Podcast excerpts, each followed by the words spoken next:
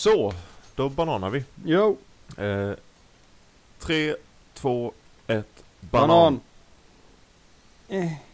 Någon gång borde vi öppna podden med det.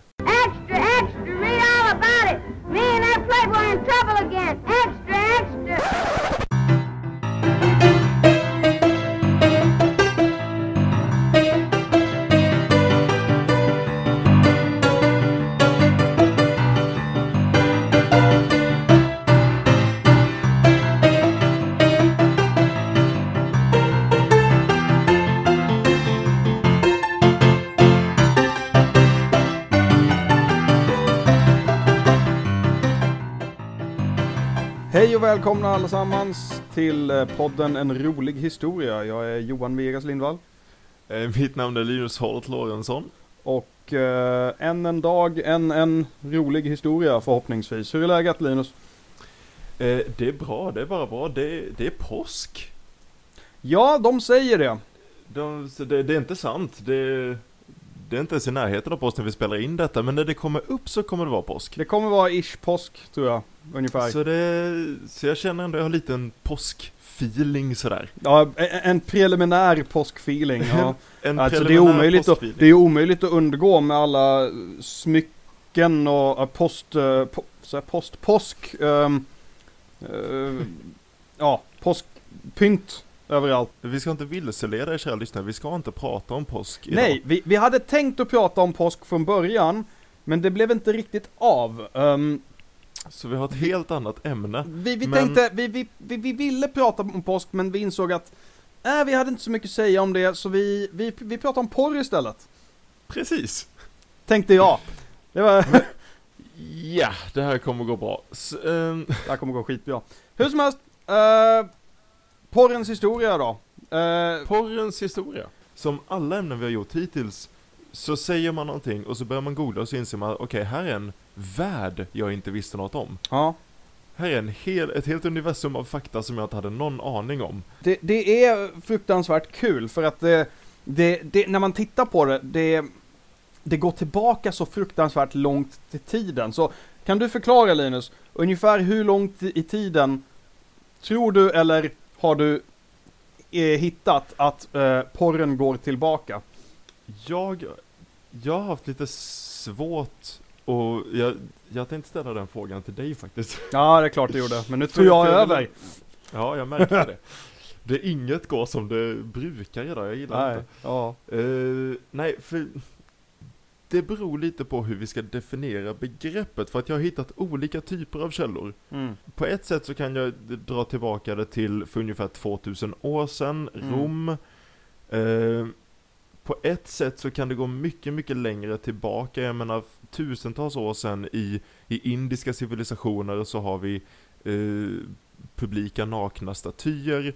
Eh, går vi ännu längre tillbaka så har vi liksom eh, sexleksaker och så vidare och bilder på nakna människor som går eh, ti, nästan alltså tiotusentals år Ja. tillbaka.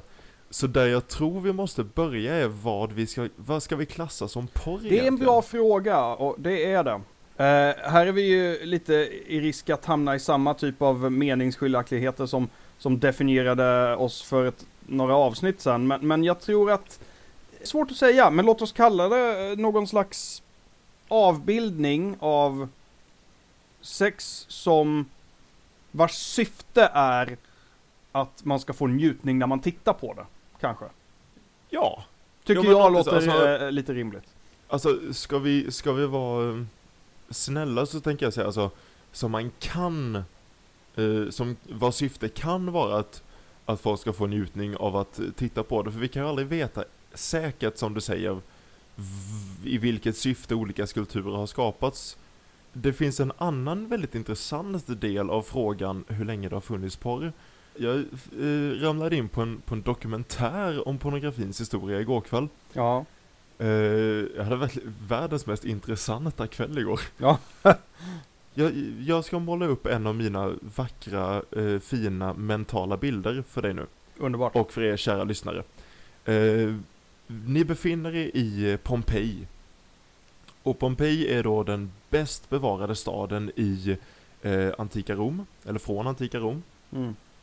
och den är ju bevarad för att det kom ett vulkanutbrott som dränkte hela staden i aska för 2000 år sedan. Mm.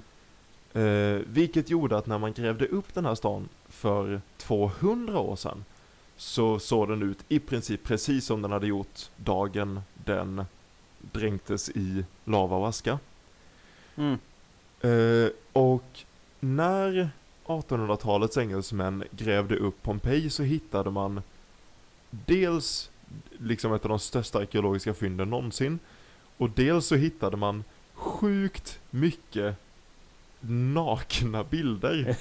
ja. Alltså sjukt mycket bilder på nakna människor. I varje hus, i varje rum fanns det bilder på nakna människor. Mm. Och det fanns skulpturer och det fanns liksom överallt.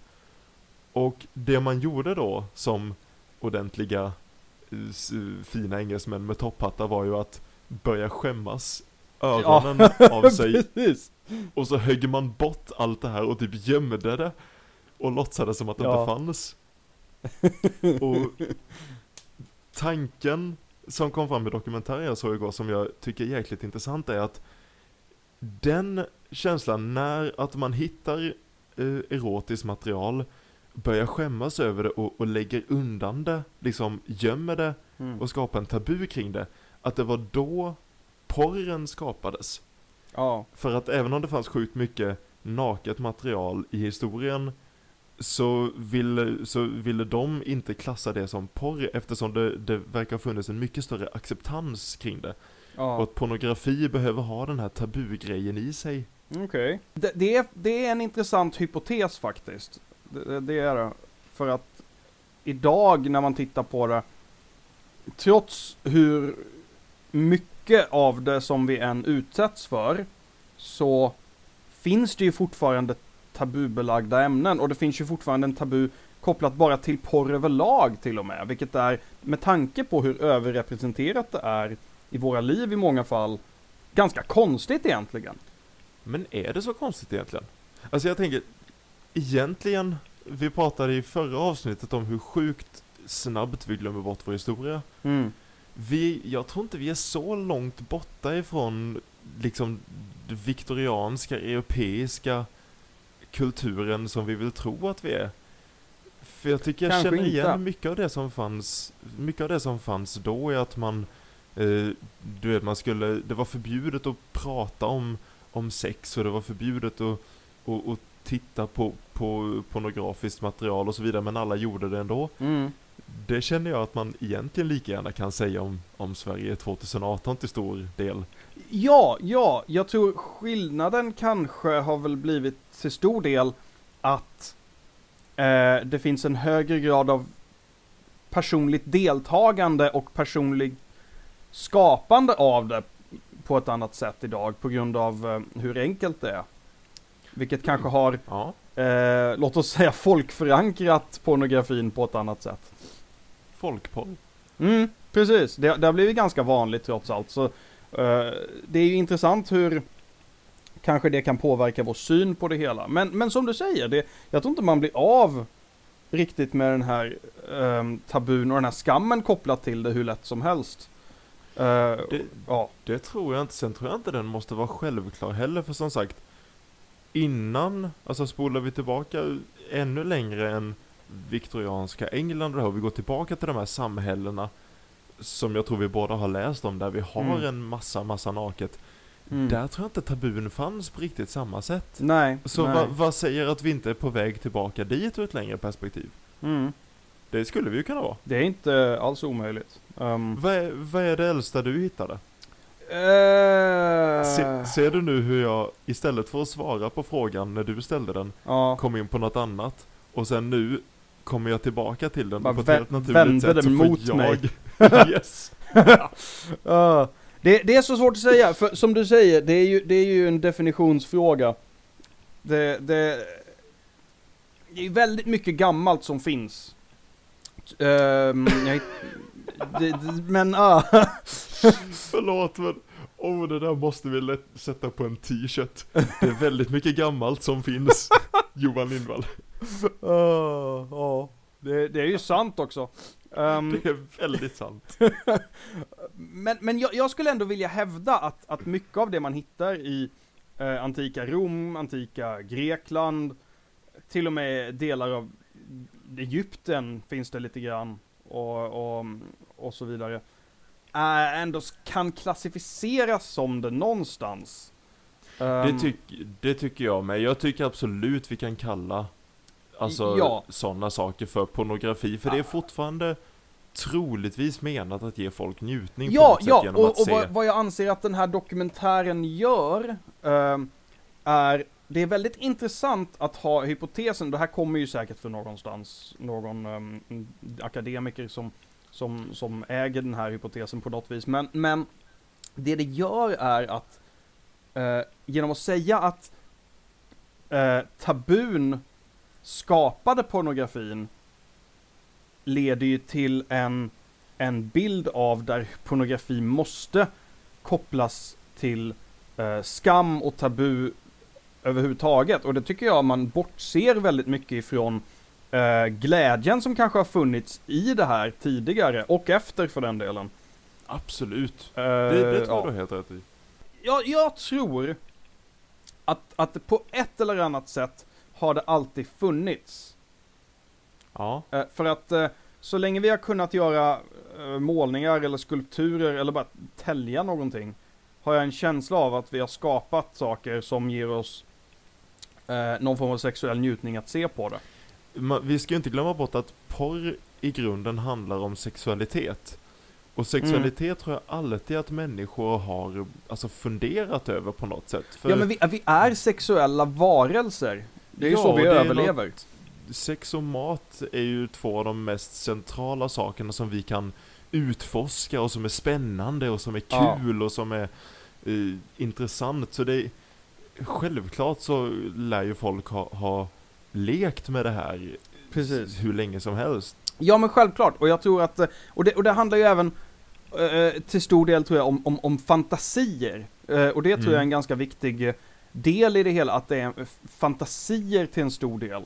Mm. Ehm, vilket man ser till exempel i, eh, i, i Japan, där det finns någonting som heter, har jag skrivit ner vad det heter? Ja det har jag! Jag vet inte hur det här uttalas. Uh, uh, shunga? Shung, någonting sånt? Okej? Där, där gamla erotiska avbildningar, jag tror de inspirerades från Kina som mycket av det Japan gjorde in- inspirerades av. Men det är någon form av e- e- erotisk avmålning då som de um, använde sig av väldigt, väldigt länge. Ah, Och eh, där är det väldigt vanligt att deras könsorgan är väldigt, väldigt förstorade. intressant. Mm. All, alltså till en Det- onaturlig gräns då.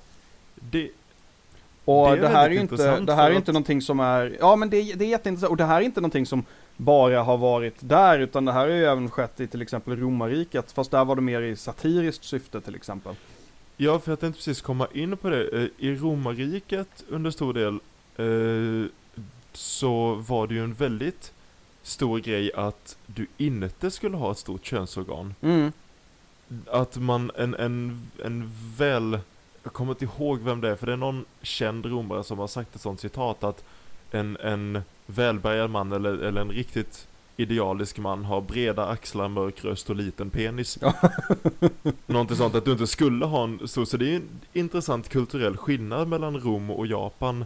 Ja. Med liksom den Precis. ideala könsstorleken som man även kan jämföra Och, med idag. ja, om, det, om, det nu, om det nu är det det handlar om, jag, jag är inte helt hundra på va, jag tror inte man riktigt har, är helt på det klara med varför de, de målar dem på det viset. Men, Nej.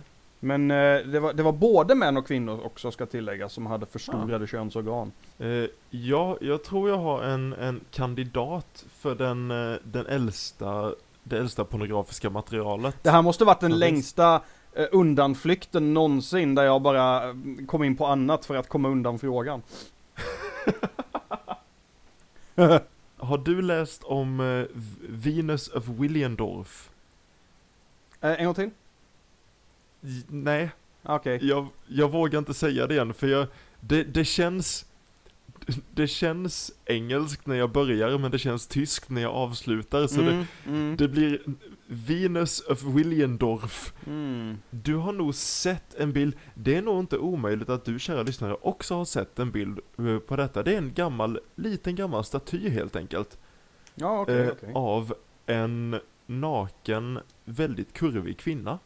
Ja, vänta nu när du säger det så är jag med på vad du menar. Jag tror detta är den tidigaste statyn man har hittat som föreställer en naken kropp.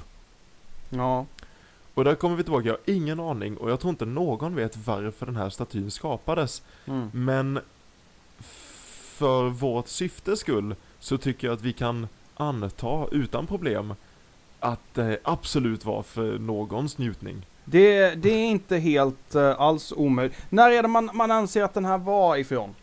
Eh, gissa, gissa hur gammal den är. Uh, jag, jag, jag gissar på att den är någon, någon form av paleolitisk ehm, skapelse. 25 000 år gammal. Jäklar, ja då hade jag ju rätt förstås.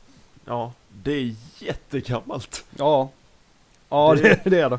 Kring den här perioden, typ 25 000 år sedan, har du också de första exemplen som man har hittat på erotiska, vad ska man kalla det, sexleksaker. Mm. För man har hittat, eh, jag inser medan jag säger denna meningen att både min mamma och min svärmor kommer höra det här. Ha, Och jag ska försöka inte skämmas över det. Man har hittat dildos från den här perioden. ja, Eh, så det, du har ju en levande sexualitet. ja, Jag har faktiskt sett en av de här eh, eh, dildosarna. okej. Eh, I vad jag vill klassa som den mest intressanta juldagsupplevelsen jag någonsin har haft. Ja, det får du förklara. Ja. Ja, ja, ja, shit, jag vet inte om jag har berättat det här för dig innan. Jag vet inte om du har det. Vi, som du vet så är min, eh, min familj en väldigt traditionell julfamilj. Mm. Eh, fram till förra året när vi fick för oss att vi skulle göra något helt annat på julen och Ja. stack till Prag, Mm. Vilket du känner till. Jag känner till det. Eh, och eh, dagen innan vi skulle, till, skulle åka så, så satt jag och läste på lite om, försökte hitta någonting man kunde göra i Prag. Mm.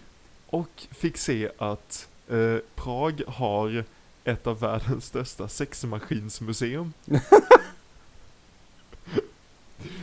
och det här blev en grej. så vi gick, och det, var, det, det låg ganska nära vårt hotell, så vi gick förbi det flera gånger. och liksom, äh, ska vi? Ah, ska, ska Ah. vi?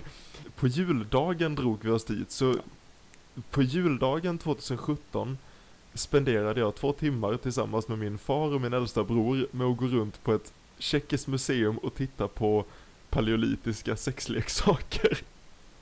Fan vad bra. Gud. Och där var en sån med, det var en av de äldsta, eh, en av de äldsta sexleksakerna man har hittat, fanns där och det var typ 25 000 år gammal. Alltså, alltså det är ju en pinne egentligen, fast Mm. den är formad som en, eh, en, en penisliknande Ja, föremål. fascinerande. fanns en massa annat sjukt fascinerande andra saker där. två, jag hade två favoriter. Det fanns en vibrator som var ångmaskinskörd.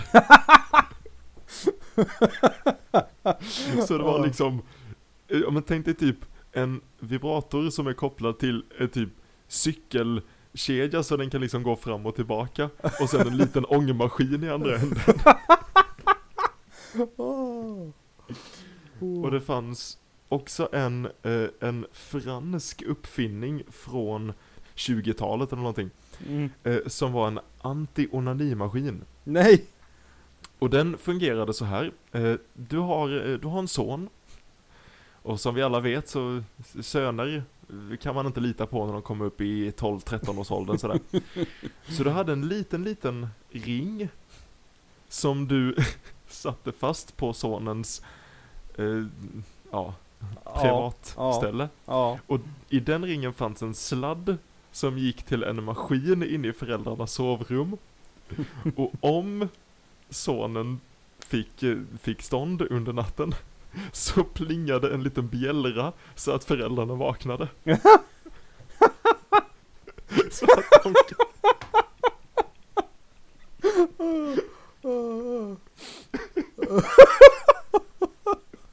Åh. Åh. Åh, gud. Och det, förs- det förstör mig bara jag tänker på det.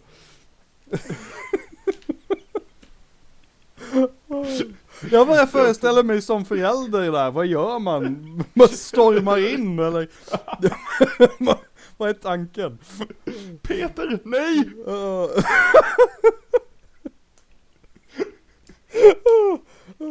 Frestas inte. Åh. Åh, gud. Sjunde gången klockan ringer på en natt. Håller vi på med. de, de kan inte somna. Pojken, pojken är 13 år gamla och, de, gamla och de har liksom inte fått någon sömn på ett år. Annars var det sjukt, det var sjukt kul. Är ni någonsin i Prag, eh, kära lyssnare, eller du Johan, Mm. kolla in det. Det var en väldigt intressant upplevelse. För det handlade väldigt mycket om att, alltså känslan jag tog med mig från det museet var verkligen att så länge, hur, lika länge som det har funnits människor så har det funnits sätt för kvinnor att inte behöva män för att kunna njuta. Det är väldigt mycket Mm. sexleksaker som är Mm. riktade till kvinnor.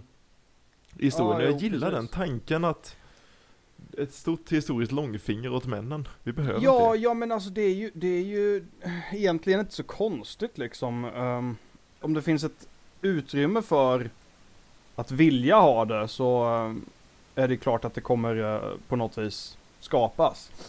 Jag blir så, jag blir så fundersam på hur, hur har mänsklig sexualitet tätt sig förr i tiden, innan internet liksom, innan, innan, till och med innan böcker och innan innan stora städer, hur, hur, har det, hur, har, hur har det sett ut på något vis? Och hur lekfulla har folk varit? Det tycker jag är en jätteintressant tanke. Romarriket får ofta stå som exempel, men Romarriket ses ju ofta som ett väldigt, väldigt vulgärt samhälle Mm. på många sätt. Väldigt, väldigt sexuellt öppet och eh, något som jag kan tycka verkar rätt häftigt. Att ja, Mm, man, mm. man kanske inte var lika eh, tabubelagd. Man kanske bara inte hade alls samma tabuer som vi har idag. Nej, eh, troligtvis istället andra tabuer, men eh, Jag tror man hade en öppnare syn på sex i många samhällen Mm. historiskt sett. Jag nämnde Indien förut. I Indien har du också eh, massa skulpturer och statyer ja. som är väldigt, väldigt ehm, öppet sexuella. Ja, du har- precis. Och där är det väldigt kopplat till, eh, till religion, tror jag. Ja Eh, men det, så är det väl. Eh, Det, det, väl- tittar väl, det här kan du garanterat bättre än jag, men det är väl om man tittar på Kamasutra till exempel, så är väl det, Det också ju en väldigt religiös, det är en spirituellt. religiös text. Det är Ja. ju en, en del av eh, antingen upan, jag tror det är en del av Upanishaderna Mm. eh, som, som eh, har blivit Kamasutra. Och det är ju också, det är ju ingen pornografisk text. Det är Nej. ju mer en, en det är väldigt mycket olika. Det är typ regler om hur du ska ha sex genom äktenskapet och det är en handbok och det Mm. Eh, Och sen finns ju alla de här grejerna som vi känner till idag också, att det är massa tips på sexställningar. Ja. Men jag tror inte att den skrevs som ett pornografiskt material, utan Nej. mer som en och här är en text om sex, för att det är också en del av livet. Precis. Det är likadant jag, eh, jag hittat i ehm, Peru har jag hittat, uh, moche-kulturen i Peru. Mm.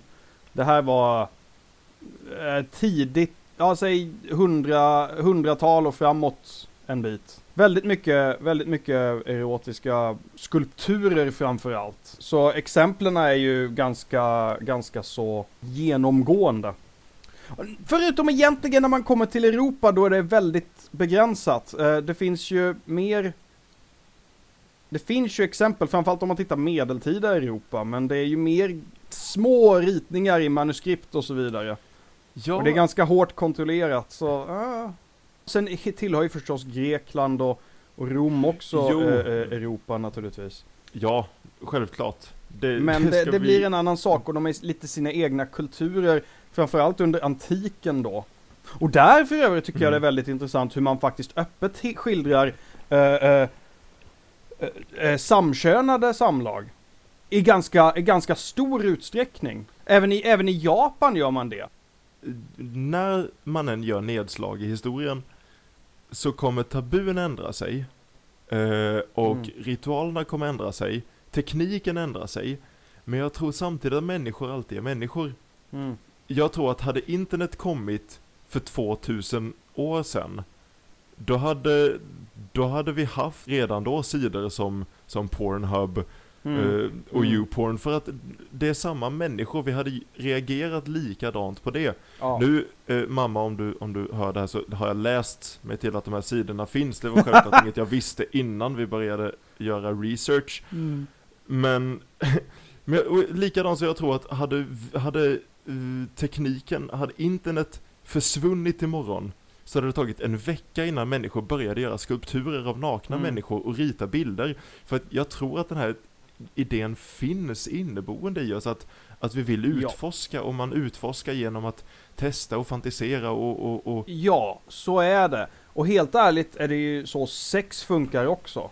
Och det, det är så intressant vad som händer när man ganska hårt försöker förtrycka och eradikera den här, det här behovet som finns hos människor. Den första, eng, i alla fall engelska, eh, eh, eh, erotiska boken som, som publicerades var väl, tror jag, Fanny Hill. Fanny Hill, ja på 1700-talet va? Ja, sjut- mitten av 1700-talet och den blev ju ganska bannlyst och, och hårt kri- kritiserad. Men vad händer då? Jo, men man gör piratkopior för att folk vill ha det här. De flesta europeiska länder har, har ju försökt förbjuda pornografi. Mm. Jag tror eh, 1969 gick Danmark ut och officiellt legaliserade porr. Gjorde det. Ja, och jag tror de var Tillåtet. först med det. De var, de var ju första landet som gjorde det. Ja, Och det betyder ju att det, det fanns lagar mot det. Och, och det är ju likadant när, när ehm, på 1800-talet porren fick ju en jättestort genombrott när kameran kom, när man kunde börja ta bilder på folk. ja. Det Mm. blev ju genast en tabugrej. Ja, Att man, man tog bilder som sen smygsåldes. Det var ju tydligen, det var tydligen kvinnor som gick runt på typ stationer och så vidare och hade erotiska bilder i sina klänningar. Och så kände man igen dem och så gick man och liksom smygköpte porr av dem. Så, så redan där har du ju en tabukänsla kring det. ja men eller hur, eller hur. Dessutom tycker jag det är fruktansvärt roligt att eh, den första typ pornografiska filmen, eller åtminstone låt oss kalla det nakenfilmen, kom Mm. ut nästan direkt efter att film överhuvudtaget blev en grej. Självklart gjorde den det. ja. Och den är för övrigt, den finns fortfarande att se. Eh, och det rekommenderar jag att göra. Dels Mm. för att de, den finns på YouTube. Eh, jag vet inte om du kollade på den också? Ja, Den som kom eh, ut la, la, 1890. la Couchère de la Marie, eller hur? Ja, precis. Det är ju ingen pornografi kvar, för det är bara de första en och en halv minuterna som finns Mm, precis. av den. Så det är i princip en kvinna som klär av sig. Och hon hinner inte klä av sig på en och en halv minut för hon har så sjukt jävla mycket kläder på sig för att det är 1890-talet. Så det är, ju, det är ju mer en intressant film av den anledningen än att det skulle vara något pornografiskt. Ja, faktiskt. Faktiskt. Hur gick folk runt på en varm sommardag? Det kommer jag Ja. aldrig förstå. Fattar inte det. Jag förstår verkligen inte det. Mm. Men i vilket fall, det är intressant att se vad, vad, vad snabbt det gick innan det där hände. Och jag är nästan övertygad på att det var ganska vanligt under jorden så att säga. Att, att, eh, dessutom så är ju... Jag vet inte, jag, jag, tror- jag tror det är konstigt hur, hu- hur vi så gärna vill förbjuda en sån, en sån djupt rotat behov hos människor. Jag, jag tror ju ofta, alltså min personliga åsikt är att jag tror att det är fel att förbjuda saker. Mm. För självklart, ehm, vi har inte pratat så mycket nu om porrindustrin idag och där finns det självklart en väldigt stor problematik eh, i dagens läge kring porr och så vidare som vi väljer rätt så medvetet att inte gå in på. Inte minst för att de senaste två avsnitten vi spelade in blev ganska mörka och vi vill komma ihåg att vi, vi ska De vara lite roliga. det, de blev det. Ja, De, ja, de blev det. Men det jag vill säga är ju att jag tror inte att jag tror inte att förbud brukar hjälpa, för förbjuder du porr så kommer det bara skifta var porren finns. Mm. Så Ja, jag tror det ja, finns ja. andra mycket mer konstruktiva sätt att, att behandla porr och att prata, alltså bara prata om det. Ja. För jag ska inte vara helt sån, ja, det finns en liten del inom mig som skäms lite över att sitta och prata om det här nu. Mm. In, inte just nu, för att jag är väldigt bekväm att prata med dig om det här. Ja, men sen när det helt Men- plötsligt visar sig att oj, fler människor hörde det här så blir det dagen en annan efter, sak. Dagen efter att det här avsnittet kommer upp ska jag på påskmiddag hos min frus föräldrar. och jag vet att jag kommer sitta där och bara hoppas, hoppas att ingen har hört avsnittet, hoppas Ja. att ingen bara frågar vad skulle ni prata om denna veckan? Ja, precis. För att där känns det fortfarande väldigt, väldigt skamset och tabubelagt och säga nej men vi pratar porr. Mm, mm. Vi skulle prata påsk men, Men, det men, blev porr. det är därför det är viktigt att prata om det. jag för att- tror det. För att det, det, är, det är just den här skammen som finns och som var eh, har varit så tydlig i, i europeiskt samhälle. Jag tror den har varit väldigt tydlig egentligen överallt på, vid, vid en tidsperiod eller en annan. Men den här eh, medvetna förtrycket av mänsklig sexualitet. Jag tror det är så viktigt att göra sig av med det. Självklart får man ju tycka vad man vill och jag ska inte säga åt folk att sitta och titta på porr. Men, men jag tror att det, det är bra. Jag vill se en, en utveckling av vår kultur där vi, där vi blir lite mer öppna och prata om sexualitet i allmänhet. Mm. Vilket jag tror redan håller på att hända. Jag tror det sker en revolution i eh, vårt samhälle idag där det blir mer öppet att prata Mm. om sex och att prata om sexualitet. Och jag är rätt så peppad för att se hur eh, synen på sex och porr kommer utvecklas under vår livstid. Ja, jag, jag, jag, jag håller faktiskt med dig. Jag tror att det är på rätt väg där och jag, jag har en känsla av att det, det, det kommer, jag tror ändå vi kommer se en utveckling där, där vi ser en lite mer inkluderande eh, typ av, av pornografi. Inte minst för att människor själva har en sån stor kapacitet att själva producera det idag, vilket jag tror är egentligen positivt. Heja folkporren. Ja, faktiskt. Nej men, för då, då, är man, då är det individer som själva har kontroll över vad de gör och det, det är ju det är ju bara bra. Men vem vet? Det, det, alltså, så, samhället är så föränderligt att eh, det kan, vad som helst kan ske hela tiden. Är, vi, vi, vi vill så gärna tro att vi lever i eh, en verklighet som alltid kommer bestå, men eh, det är inte riktigt så världen ser Men- ut. Det är ju människans stora, alltså det är ju människans stora och största genomgående misstag är att vi tror att vi lever vi lever i liksom slutet på historien på något Mm. sätt. Mm. Och det, det tror jag alltid man har tänkt att historien leder hit. Snarare än att vi är en liten blipp i den långa, långa historien. Ja. Så tror jag att man vill tänka att det fanns en massa förr och så kom det ett nu och där är vi och, och så, så här kommer det vara. Så är det, och Liksom. jag, jag, jag eh, tror att ma- man, man... Det är därför man blir lite slagen av när man ser element i historien som man känner igen sig så mycket i. Jag tycker Mm. det är jättekul, eh, du tog upp Pompeji innan, det är ju jätteroligt de här, det här klottret som finns överallt i Pompeji. För man känner igen sig i det. Det här är, man inser att, ja men det här är bara människor. Eller hur? Det är så, det är så fint på något sätt. Ja. Det är ju ett jättebra exempel. Ja, Eh, en annan grej man hittade när man, eh, när man grävde upp Pompeji var ju som du säger massa klotter på väggarna som folk bara hade skrivit ner och som är sådana, alltså precis samma grejer som folk skriver på Instagram idag. precis. Det är liksom, någon, var det inte någon som skrev typ 'Jag är jättefull' Ja, och någon, jättemassa snusk. Massa snusk, det är någon som skriver typ 'Sorry tjejer men Maximus gillar killar nu' Ja, Alltså bara män, mänskliga saker och det är så Ja. fint! jag tycker det, det, det är så fruktansvärt roligt för att um, ja, vi var ju jätteannorlunda och, och eh, hit och dit. Men i grund och botten så, vi är alla människor och vi har alltid betett oss som människor. Och jag tror det speglas även i, i, i vår sexualitet och eh, våra fantasier om sex. Jag tror kulturen förändras men jag tror inte människor förändras. Nej, det, det, det tror jag stämmer. Eh, det tror jag stämmer. Uh, vi har hållit på en timma nu, ska vi, ska vi avrunda tycker du? ah, utan att någonsin nämna tentakelporr, vad, vad, hur, vad hände, hur hände det här? Okej, du, okej, vill, om du vill så kan du få fem minuter och prata, för jag har medvetet försökt undanröja det ur mitt... Ja, men- ba, ba, bara nämna det, bara nämna det, för det är, jag tycker det, det är så fa fascinerande för mig.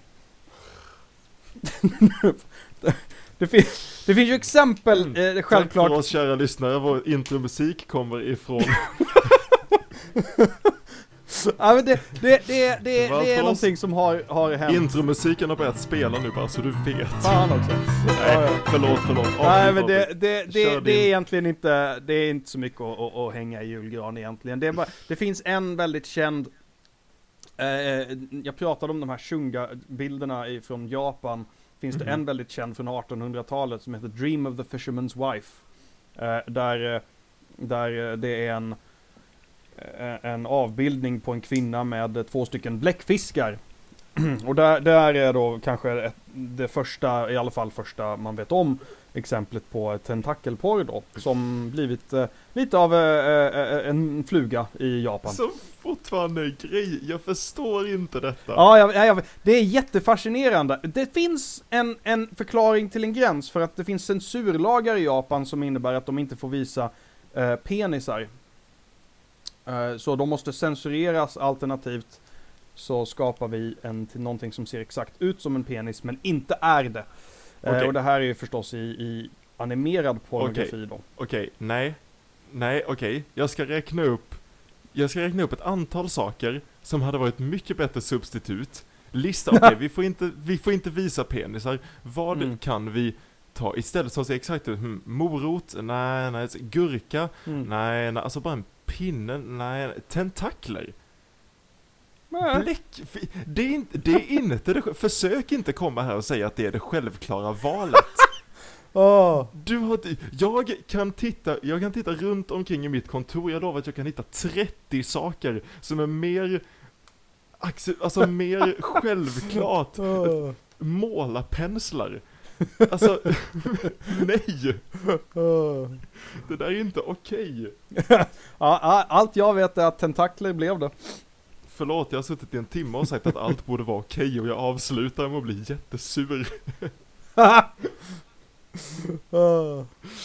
Okej, Ja, så är det. Där kom det med i alla fall. är du nöjd får vi avsluta nu. Nu, nu är jag nöjd, nu får vi avsluta. Åh, herregud. Eh, tack så jättemycket till dig, kära lyssnare. Jag tror du är den enda som lyckades lyssna eh, till slutet av det här avsnittet. Men good on you, hör av dig så skickar vi någonting. Som tack. Vi kan skicka någon, någon, någonting pornografiskt.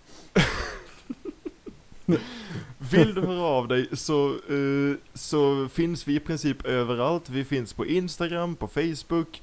Eh, vi har en e-mail, eh, en rolig historia at hotmail.com tror jag. Skicka gärna förslag på, på ämnen vi kan, vi kan prata om eller kritik över om vi säger någonting fel. Dela jättegärna med er av eh, podden om Mm. ni tycker den är bra. Gör så. Eh, vår intro och outro-musik kommer från låten Wagon Wheel av Kevin MacLeod. Vi, vi hörs igen eh, om, om ett par veckor. Det gör vi. Ha det, ha det underbart så hörs vi i framtiden. Mm. Hej. Ja.